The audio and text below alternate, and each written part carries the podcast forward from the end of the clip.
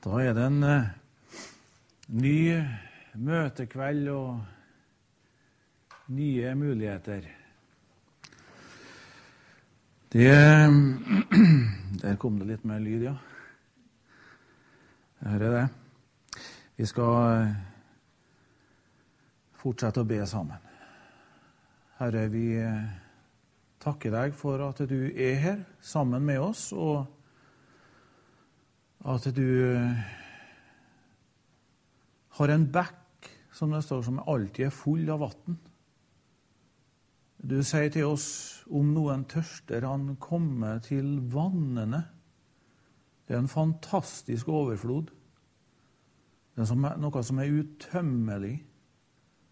Og det står om vi drikker av det vann som du vil gi oss, så blir det i oss en kilde med vann som veller frem til evig liv. Du er kommet for at vi skal ha liv og ha overflod. Herre, må dere her møtene få være med og virke til det. Og den undervisninga som skjer her i det daglige og gjennom skoleåret her, må det få virke til det, Jesus. At vi får oppleve at du kom for å gi oss liv og overflod.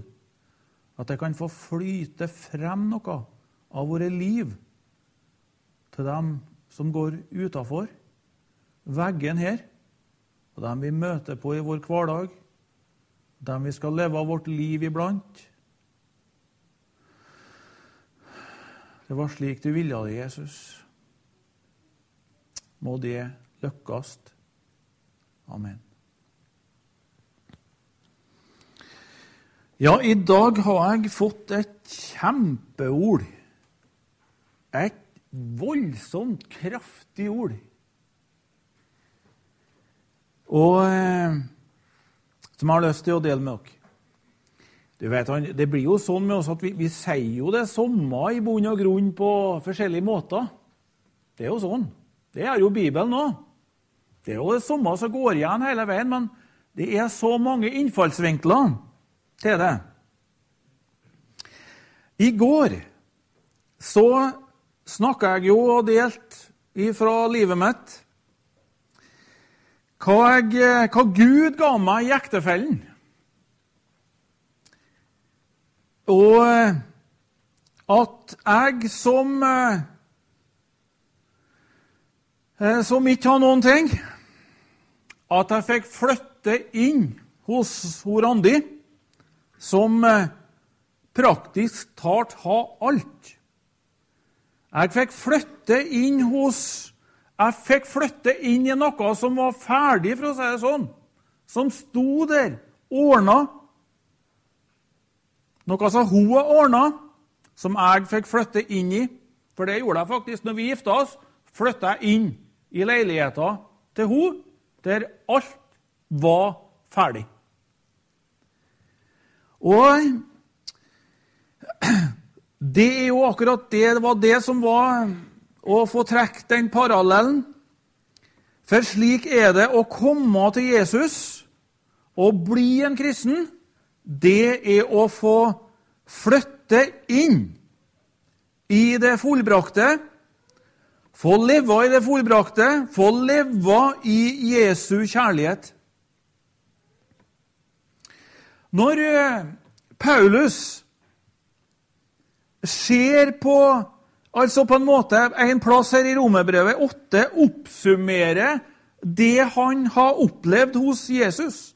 Det han har funnet hos Jesus og hos Gud, og det med Guds plan for hans liv og for menneskeheten og, og alt sammen. Så er det altså at han bryter ut til slutt. Så sier han Er Gud for oss, hvem er da imot oss. Det står det i Romerbrevet 8,31. Er Gud for oss, hvem er da imot oss? Og det er et voldsomt sterkt ord. Det er akkurat som at han sier Kom nå, hvem som helst av mine fiender. Kom! De har ikke en sjanse til å nå fram med noe som helst. For Gud er på min, på vår side. Og da står han sammen med alle som har tatt sin tilflukt til Jesus. Og som sier, 'Meg til frelse jeg intet vet uten deg, Guds lam'.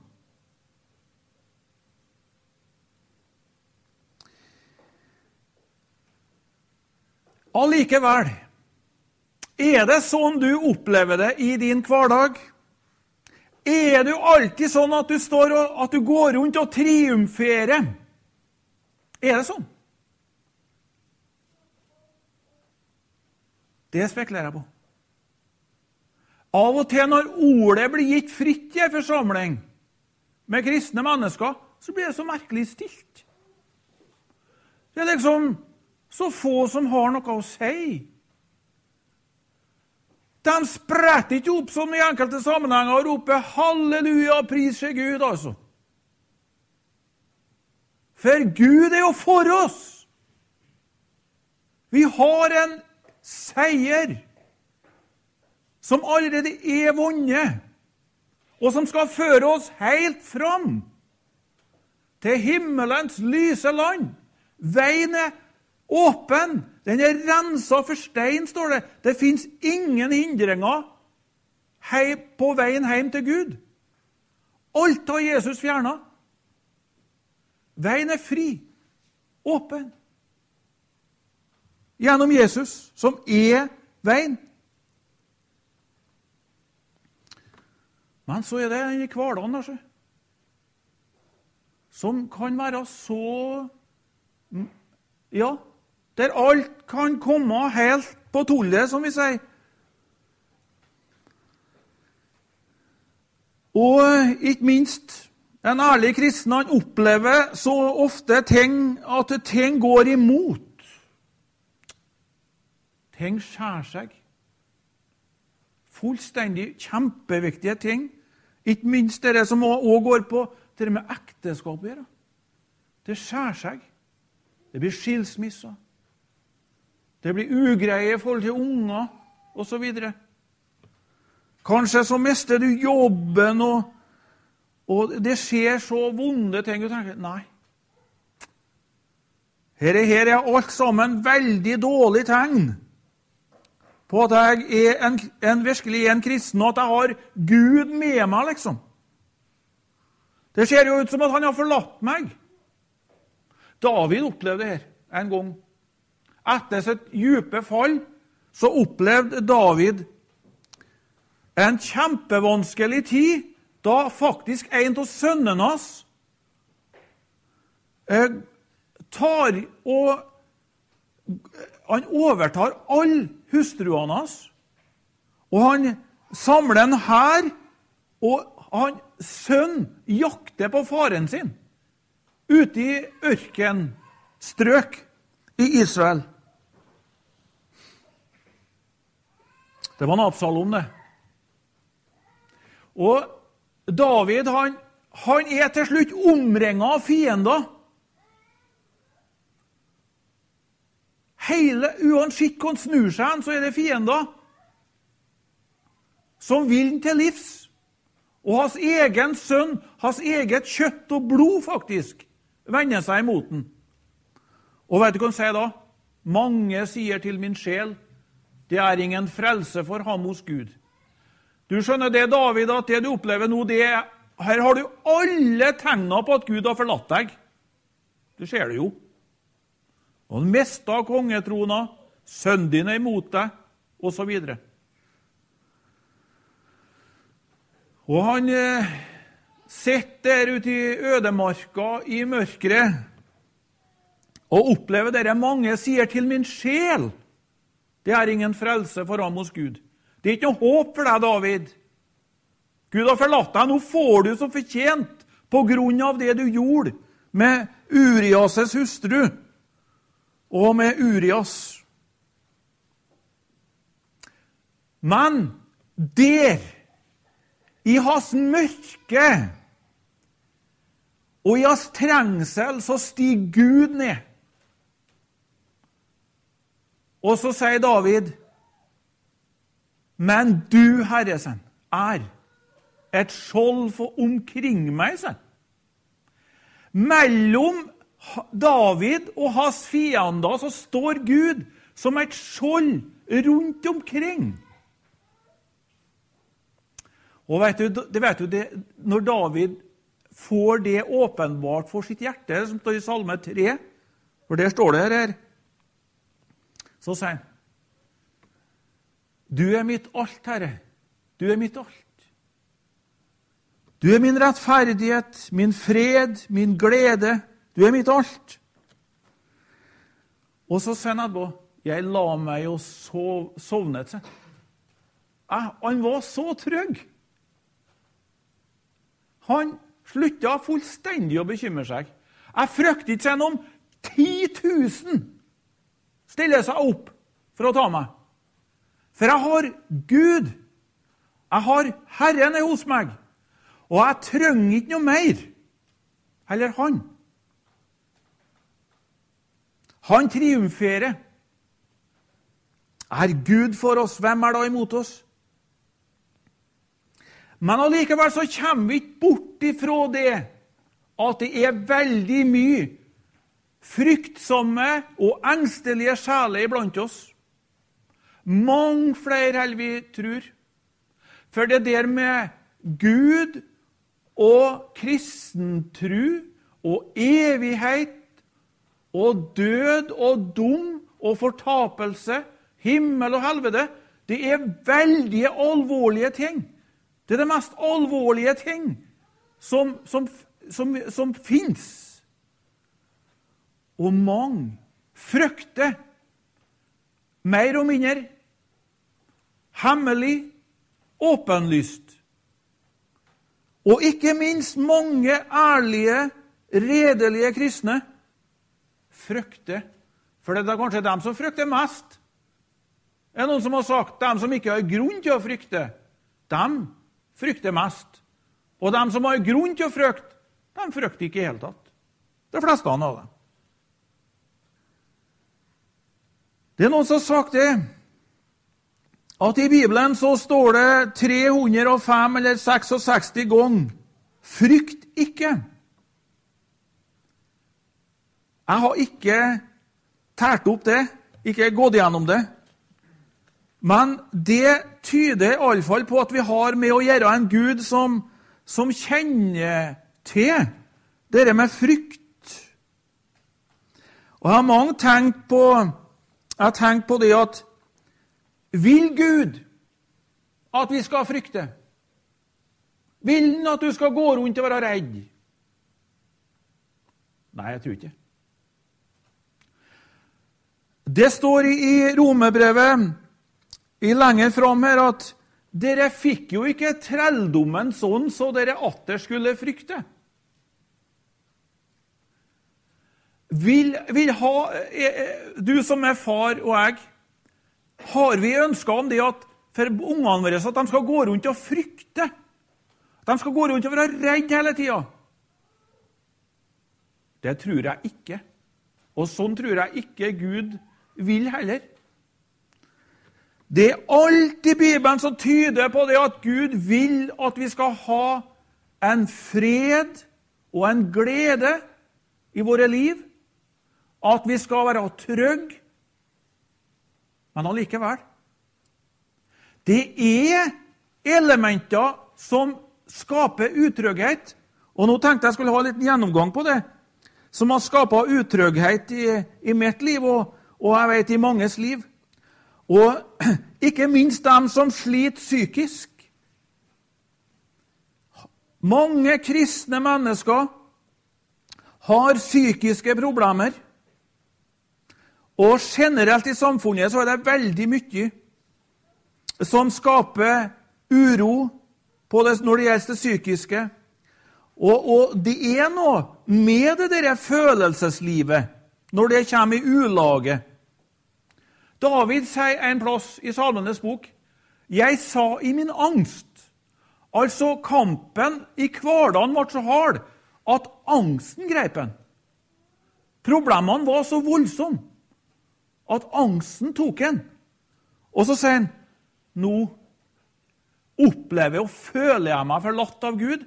Jeg opplever meg revet bort ifra Guds ifra Gud. Det opplevde også Jonas når han sokk i havet den gangen. Det kan du lese om. Opplevde den i angsten. Jeg er revet bort fra dine øyne, Herre. Men han var ikke det. Verken David eller Jonas var forlatt av Gud i sin angst.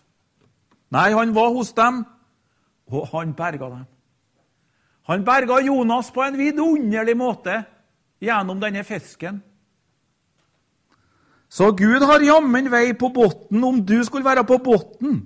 Gud har veier på bunnen, er det mange som har sagt. Hvordan er det med deg i hverdagen? Er det, er det sånn med deg at du, du driver og tar temperaturen på ditt eget kristenliv? Er det sånn? Du har liksom et termometer stående konstant inn i ditt eget hjerte. Og det driver du og kikker på fra tid til annen. Hvordan er det med meg nå? Er jeg kristen nå? Føler jeg meg frelst nå? Er jeg frelst? Ja Nei. 18 grader.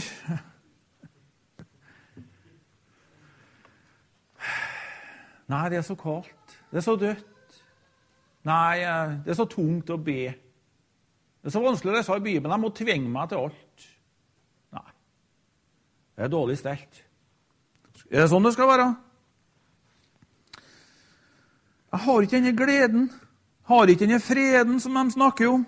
Tvert imot. Jeg tviler, og sånn som vi har snakka om kveldene før her nå. Jeg skal si dere, det er mange flere vi tror, som sliter, og i våre sammenhenger. Jeg tør å påstå det. Driver og tar temperaturen på seg sjøl.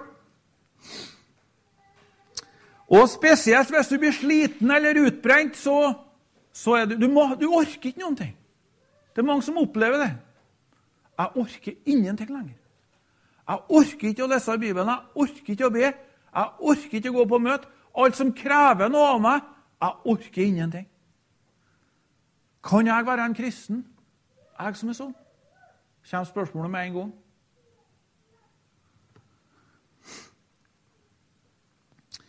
Det var en som, eh, som de eh, kanskje vet om, som heter Leonard Gudmundsen. Han, ei, eh, han forteller en historie en av bøkene som han har skrevet. Jeg vet ikke om han har skrevet flere, jeg har iallfall lest ei. 'Glem ikke alle hans velgjerninger', heter boka. Det forteller han om et sykehusopphold der han eh, ligger helt utslått i, i sykesenga. Så kommer pleierskene dag for dag og måler temperaturen på han. Og så setter de et, et, et sånt punkt på et sånt diagram over senga hans. 7, eller kan si, 39 eller sånn. Og Så ble det litt likere, og så kom det kanskje ned på 38, og etter hvert som den ble bedre, så ble det jo mer uh, greier, ikke sant? Men han sier for hver dag liksom, så gikk det litt opp og ned. Det var altså ustabilt, liksom.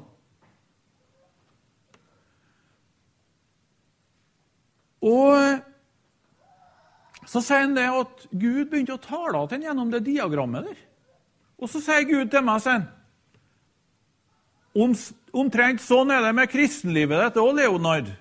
Du syns det går litt opp og ned, ikke sant? Noen ganger så er du på høyden. Alt er så lett. Du er så glad og fri. Og alt, Det er så lett å lese i Bibelen, og du får noen ting. Og det er så godt å be, å være sammen med kristne venner og osv. Det er liksom Alt er så lett. Du er nesten i den syvende himmel. Men noen ganger så går det nedover. Så faller temperaturen. Ja, til frysepunktet, altså. Og som en sa, du størter ifra den syvende himmel og ned i den syvende avgrunn. Der alle gode følelser er, bytta ut med, med, med følelser med tagger som stikker gjennom marg og bein. Ja. Det er forferdelig å være til.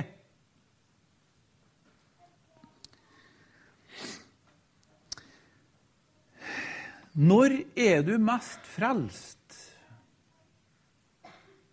Leonard spurte han.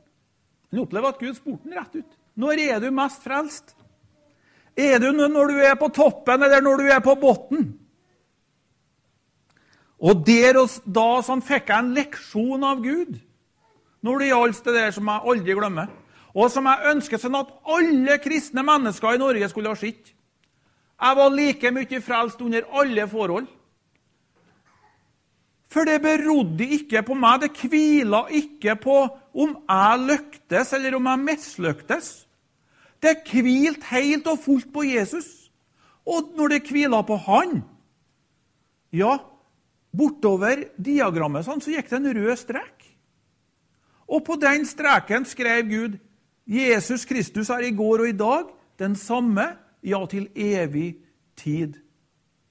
Du er like mye frelst under alle forhold.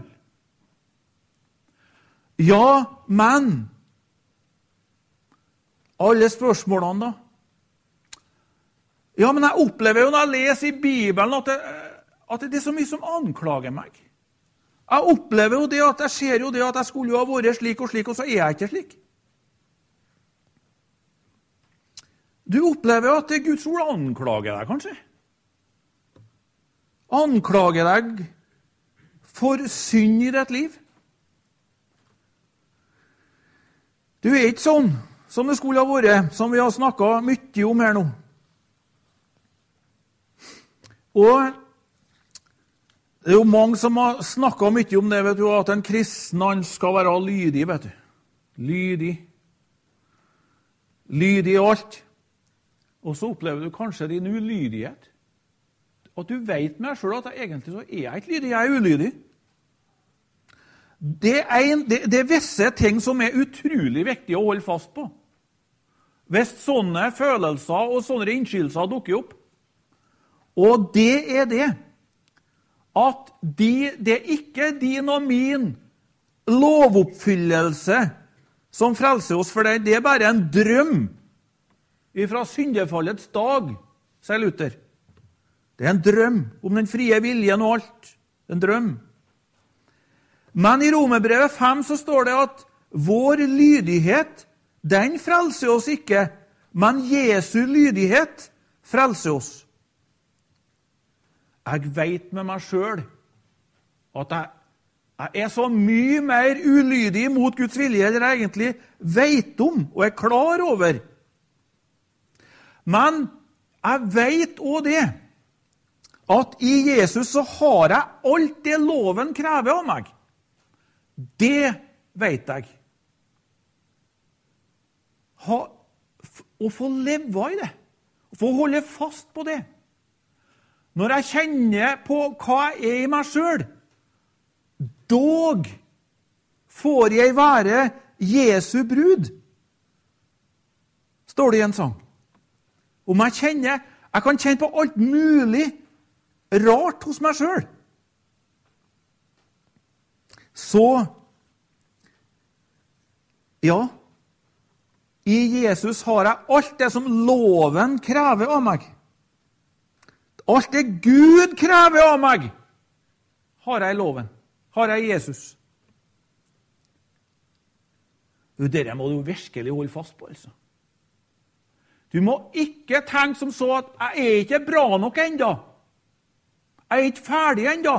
Jeg er ikke klar for det ennå. Det mangler så mye. Jeg snakka med en mann en gang som var 90 år. Og Vi snakka om lovens krav og bud. Og Så, sa, så spurte jeg han, ja, hva mener du om å være en kristen. Nei, han, eh, han arbeider med saken, sa han. Ja, hva du jobber med?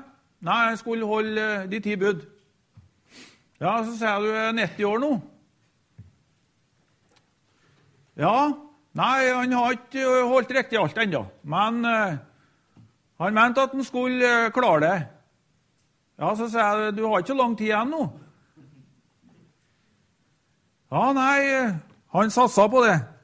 At allikevel skulle gå bra til slutt. Du vet, det, Det er, det er bare illusjoner som vi danner oss. Nei, du må holde fast på det, du. Enten det lykkes eller mislykkes for deg, så skal du holde fast på det. Jeg har alt i Jesus. Alt det som Gud Når du leser i Bibelen nå at Gud krever noe av deg som kristen nå, så skal du holde fast på det framfor alt. Jeg har alt i Jesus, sjøl om jeg er så ufullkommen som bare det. Så har jeg alt i Jesus. Han er mitt liv. Virkelig. Eh, det var jo derfor røveren kunne bli frelst. vet du. Hva har han? Hva var det som gjorde at det holdt for han? Det kan vi spekulere på. For han har jammen ikke mye. Det eneste han har, var synd. Og Allikevel så gikk han frelst hjem til Gud. Hvorfor? For det var en annen en som hadde gjort alt som var nødvendig for at han skulle bli frelst. Gud var for han, virkelig. Der viser Gud hvordan det går til å bli virkelig frelst. Og hva det er det med frelse for det som er fortapt. At Jesus kom for å søke og frelse det som er fortapt. Vet du, Det snakkes eh, det snakkes så mye om synd. Jeg må gå litt videre her. Synd, vet du. Ja, dere som er kristne, snakker bare om synd. altså. Åh, jeg får så mange anklager. Jeg har mange opp gjennom livet. De snakker bare om synd. Ja, det ble, jeg fikk et problem i møte med Jesus og i møte med Guds ord som jeg ikke har hatt før jeg ble en kristen. For da har jeg aldri problemer med min synd. Men når Jesus møtte meg, så fikk jeg virkelig et problem. Og det er med syndens daglige plage. Jeg fikk oppleve det at jeg har et kjød, som vi sier.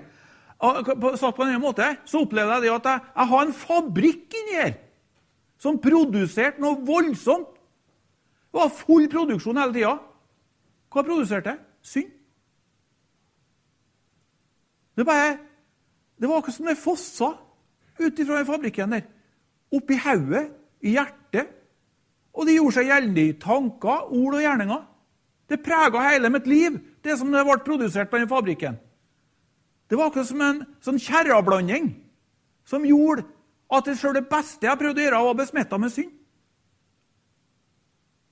Jeg falt igjennom med alt. Sånn var det bare. Hva skal vi gjøre med det? Hva skal vi gjøre med det? Ehm, jeg møtte ei, ei, ei dame en gang. Jeg må fortelle dere om henne. Jeg kan jeg må gjøre noe vrier her nå ser jeg, for å komme i mål i rett tid. Hun eh, møtte jeg og lå før døden, som vi sier. Og hun Hun eh, var så glad. Lå og stråla på sjukesenga. Og, men mannen hennes han gikk rundt i rommet og han var tjafsete på håret. og Jeg så han var forferdelig og helt ute av seg. Han var helt god. Mens hun lå og stråla. Og så satte jeg meg ned og tenkte skulle lese et ord, og så videre, men så begynte hun å fortelle. Og det var hun som begynte å holde andakt for meg, altså. Og så sier hun det at eh, Ja, nei, du skjønner at eh, jeg var på sykehuset på Orkanger og lå der. Og så fikk jeg beskjed at jeg har svulst på hjernen. Og jeg ble helt ute av meg, så. For jeg fikk dødsdommen. Og jeg visste at det var bare, snakk, var bare et tidsspørsmål før det var slutt her på jorda. Og jeg skulle inn og møte min Gud. Og Jeg ble så urolig og redd. Det var jo ikke det, sa hun. Jeg ville vært en kristen hele tida. Jeg hadde nok bekjent meg som en kristen. Men du verden for et kristenliv jeg har levd! Vet du hun sa det? Praktisk talt for å summere litt. Det ble sånn, sa hun, at hele det kristenlivet jeg har levd, ble som en eneste stor anklage mot meg. For det var så mangelfullt. Det var så skrøpelig.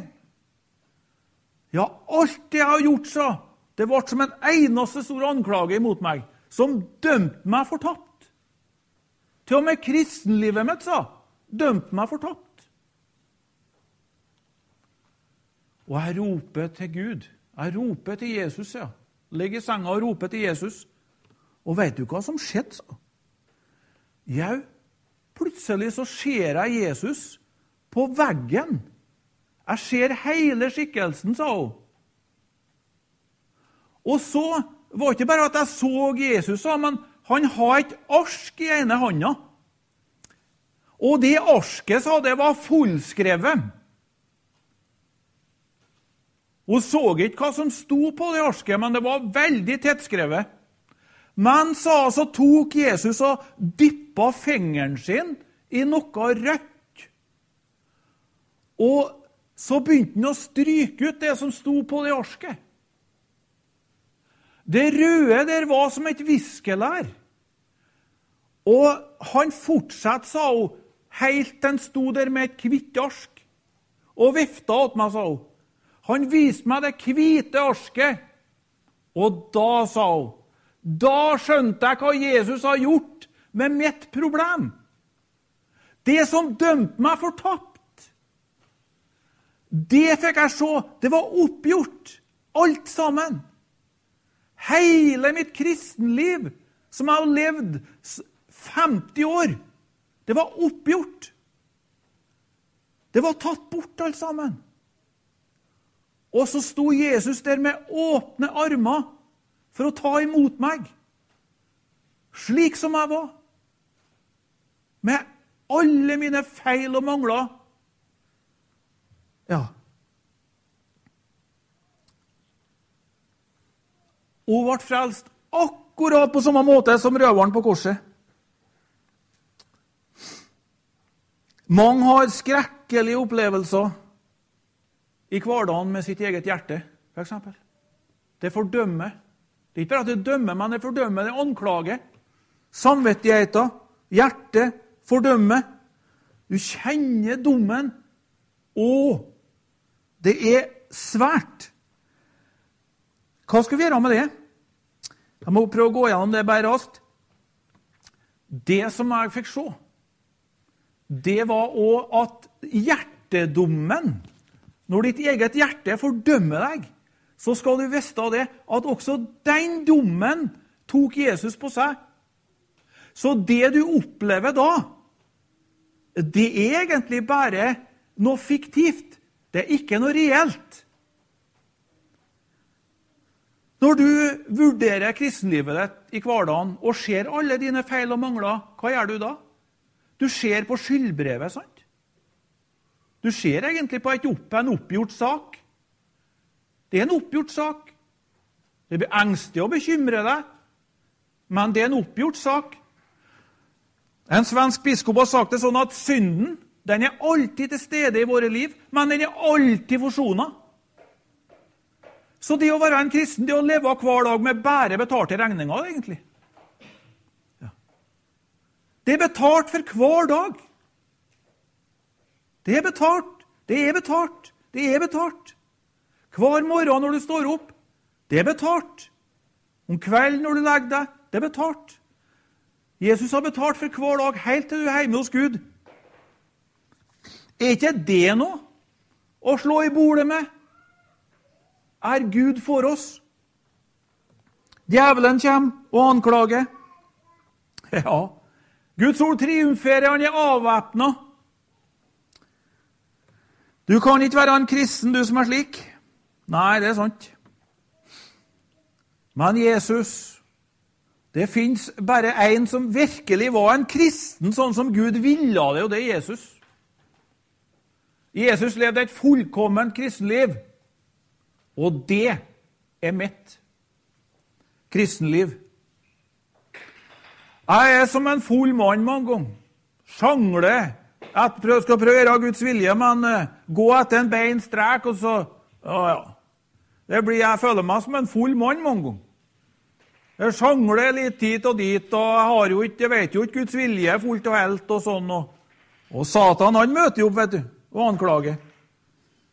Men alt det han anklager meg for, er jo oppgjort. Han peker på masser i våre liv. Han kan bruke Guds ord òg. Han kan bruke loven òg. Han kan han bruke det han kan komme til med. Men de har seiret over ham i kraft av lammets blod, står det. Og det ord de vitnet. Han kom jo til Martin Luther en gang og fortelles det ganske sånn eh, kraftig, med et sånn brev igjen. Skyldbrev. Og Luther skrev på det Jesu Guds sønns blod renser fra all synd. Da forsvant han. Han er avvæpna, djevelen. Men du verden hvor han kan brøle! Forferdelig! Han brøler for å skremme oss. Han prøver å skremme deg, vet du. Akkurat som løva. Han er som en brølende løve, står det. Djevelen. Og ei løv hun kan skremme vet du, Hun kan lam bytte bare med, bare med brølet. Løva. Hun kan skremme så voldsomt. Tenk på det. Og det prøver djevelen. Han prøver å skremme deg, sånn at du lammes. Du har bare én ting å gjøre i møte med djevelen, og det er å peke på Jesus. Du er avvæpna. Du har ikke noe du skulle ha sagt. Alt det du anklager meg for, er oppgjort. Kom deg vekk, kan du si brutalt. Vik fra meg. Du har ingen rett på meg. Verden er imot oss. Det er ett ord som jeg syns er så flott i den forbindelse. At han som er i dere, sier Jesus, han som bor i deg, du som er en kristen, han er større enn han som er i verden. Det syns jeg er et veldig godt ord i møte med det verden. Verden som forfølger oss. Tro når det er verden forfølger. Gud, han er med deg i møte med verden. Du skal seire over verden i følge med Han. Skal ikke få has på deg. Den siste fiende som møter oss, det er døden. Men også den har Jesus overvunnet. Han har fjerna dens brodd, står det, og dens torner. Har du merka mange hvor Er du redd for å dø? Det er ikke unaturlig å være redd for å dø. Det er ganske naturlig. Er du redd for eh, sånne ting som får å stikke? Er du redd for mygg? Er du redd for veps? Humler? Bier? Det er jeg. Jeg er forferdelig redd for å bli stokket av alt som stikker. Jeg kan ikke legge meg til å sove altså hvis det er en mygg inne på soverommet. Det er ikke snakk om. Og sitter jeg nå ut en sommerdag og hører jeg en veps eller ei bie, altså, da får jeg frysninger over hele kroppen. For jeg er så redd for å bli stokket. Og sånn er det med døden nå, står det. det, det den, den skremmer. Det er noe skremmende med det. Vi er redd for brodden. Men så står det at Jesus tok dødens brodd ut. Altså Like som du kan ta vepsens brodd ut, og da vet du nei, nå har ikke noe å si om men altså, Nei, det er noe lell. Det er noe lell, liksom, Selv om du har visst at alle vepsene har vært uten brodd, så Æsj! Sånn er det, vet du. Det er noe som ligger i oss. Men dødens brodd, står det. Det er synda. Men synda er sona. Da er brodden tatt ut. Og da er ikke døden farlig. Den er overvunnet, står det. Og du skal vinne over døden. Hva er det siste som er skremmende, da, som møter oss? Det er dommen, sant? Dommens dag. Og en må ikke snakke om dommens dag. Å, hvor mange predikanter som har blitt kritisert for å snakke om dommens dag! Og hvem er ikke redd for dommens dag? Jeg tror hvorfor at er så få fra Tromsø som har kommet hit i kveld. Kanskje så var de redd for å høre noe om det.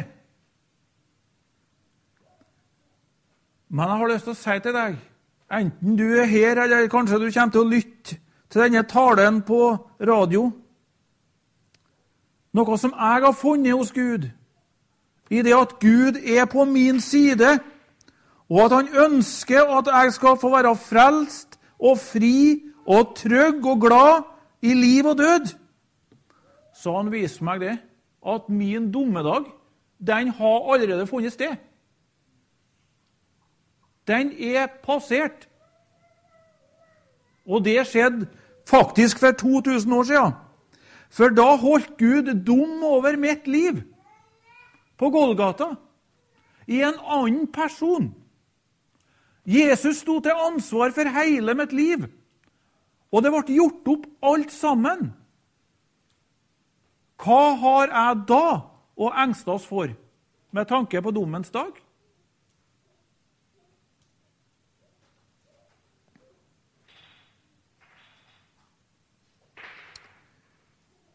Nei, Gud vil, står det i ordet, at jeg skal ha frimodighet på dommens dag.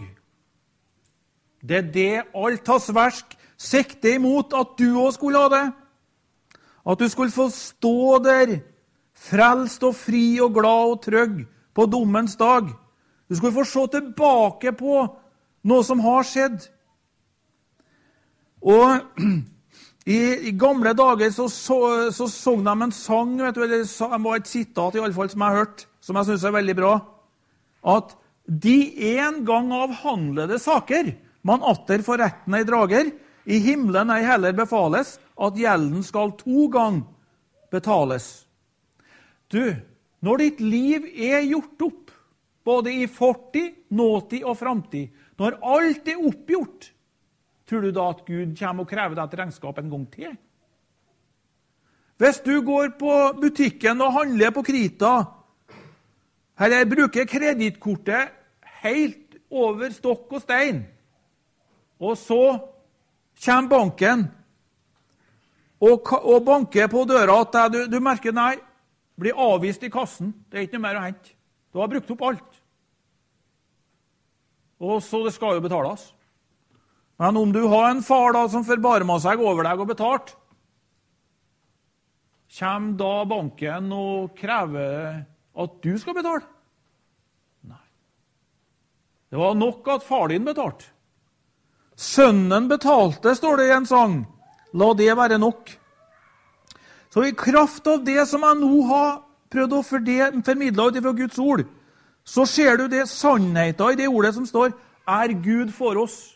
Hvem er da imot oss? Du har en fantastisk seier i Jesus. Du har en fantastisk framtid. Du må glede deg, for veien oppad er fri. Det er ikke noe som stenger. Alt er åpent.